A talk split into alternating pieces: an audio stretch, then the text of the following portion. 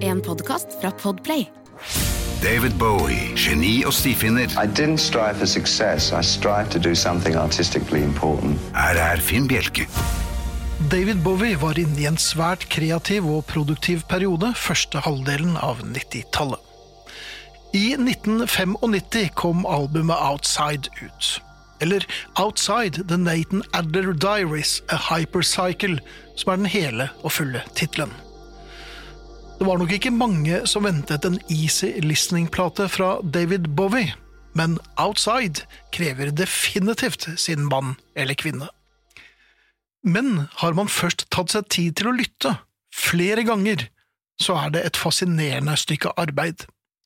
Nå er det ingen som har tid til å høre på LP-er sammenhengende lenger, bortsett fra Radio Vinyls lyttere.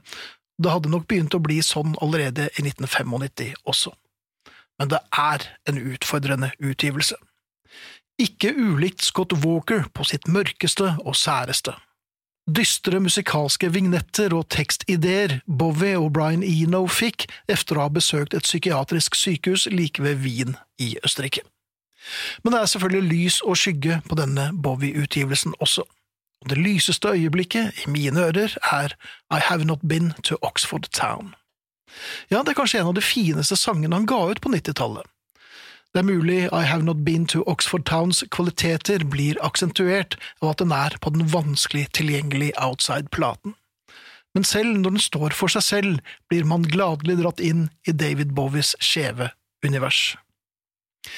En tekstlinje går slik, And the prison's priests are decent, my attorney seems sincere.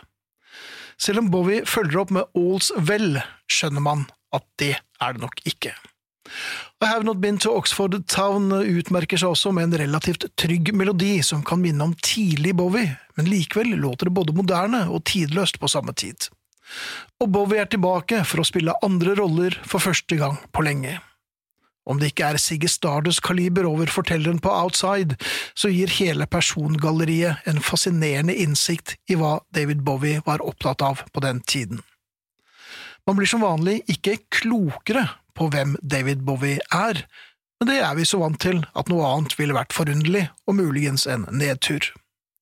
Albumet Outside er på ingen måte der det bør starte i David Bowies diskografi men tar du sjansen, er det en Sareptas krukke av strukturert galskap.